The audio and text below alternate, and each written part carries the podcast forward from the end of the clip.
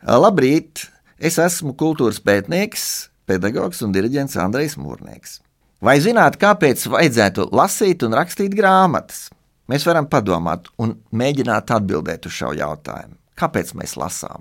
Varbūt, lai demonstrētu savu erudīciju, lai uzzinātu kaut ko jaunu. Kāpēc rakstnieki raksta? Nu, droši vien, lai pelnītu naudu, lai kļūtu slaveni, lai izklaidētu vai izklaidētos, lai kavētu laiku sev un mums. Bet jautājums ir, kāpēc rakstīja lielie dzējas un prozas meistari pagātnē? Kāpēc rakstīja piemēram Dante Alighieri viduslaiku dzēnieks? To viņam tieši esot pajautājis Varonas valdnieks Kan Grande de la Scala, kura pilsētā Dante dzīvoja trimdas laikā pēc padzīšanas no dzimtās Florences. Dantes atbildes vēstule kondoķieram Kan Grande esot saglabājusies, un viņš atbild apmēram šādi: Mans mērķis ir izraut šajā dzīvē nelaimē nokļuvušos no bēdām un ievest laimes stāvoklī. Burtiski satvert cilvēku nelaimes brīdī un padarīt laimīgu, parādīt laimes iespējamību. Ja jūs izlasāt Dantes dievišķo komēdiju un nekļūstat laimīgāki, tad Dante ir zaudējis. Viņa darbs iecerēts nevis tikai kontemplācijai, bet darbībai, lai aizkustinātu, iekustinātu, mudinātu celties, nepadoties meklēt izēju. Un mērķis, kā redzam, ir neparasti augsts.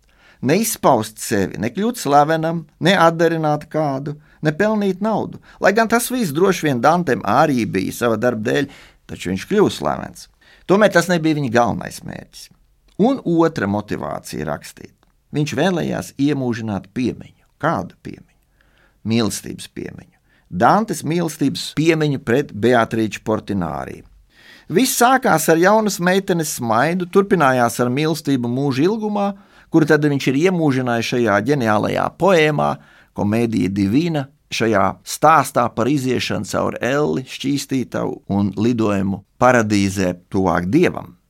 Bet viss sākās ar nejaušu satikšanos Tas noticis 1283. gadā. Un tā iespējams ir otrā reize, kad viņš šo savu kaimiņieni, kas dzīvoja netālu tajā pašā kvartālā, satiek. Viņš ar viņu bija rotaļājies jau 9 gadu vecumā, bet te viņš ierauga Beatrīči citu meiteņu pulkā, un meitene nedaudz ilgāk pakavējas pie dzēnieka ar savu skatienu. Un šis skatiens izmaina visu Dantes dzīvi. Viņam šķiet, ka pasaule it kā ir uziedējusi krāsās, un viņu pārņem izjūta, ka šajā brīdī viņš varētu piedot visiem un visu. No kurienes šāds dvēseles stāvoklis? Viņš to bija domājis iegūt ilgstošā meditāciju procesā, garīgos treniņos un vingrinājumos, bet šī pasaules izjūta viņam nāk kā dāvana, nepelnīti. Un tad viņš saprot, ka aiz tā viss stāv kāds dieva aicinājums viņam. Tas nav vienkārši tāpat, tā nav nejauša satikšanās. Bet ko ar viņu lai dara ar šo tikšanos? Jo Beatriča visticamāk tēlākajai jau precēta sieva. Nu, ko darīt? Parasti mūsdienu cilvēkam ir divas reakcijas. Līdzīgi kā tad, ja mēs, piemēram, ieraugam skaistu ziedu. Pirmā reakcija ir nogriezt, ielikt vāzē, bet kas notiks ar ziedu? Viņš, protams, novītīs. Tas nozīmē atraut, atšķelt, nodevīt savu kaislību no attiecībām, respektīvi baudīt vienam bauda atdalīt no attiecībām. Otrā reakcija - paiet šim ziediņam garām. Nu, ir taču daudz citu tikpat skaisti ziedi. Nu, tad aizmirst, atteikties no savas mīlestības, kaut vai pienākumu pēc. Dantem arī tas šķiet viltu saterību un nodevību. Viņš izvēlās trešo ceļu. Viņš izvēlās savu ziedu, savu mīlestības ziedu, apkopot, aplaistīt, par viņu domāt visu mūžu, kalpot savai mūzei, Ja viņa ir laimīga, tad laimīgs esmu arī es. Beatrīča drīz vien mirst, un Dante raksta dzējoļu krājumu Ļavita Nova, jaunā dzīve, kurā apraksta savas izjūtas. Un dzējoļu krājuma beigās viņš apņemās nerakstīt dzēju vairs nemaz, kamēr viņš neatradīs tādus vārdus, kādus par sievieti neviens nekad vēl nav rakstījis.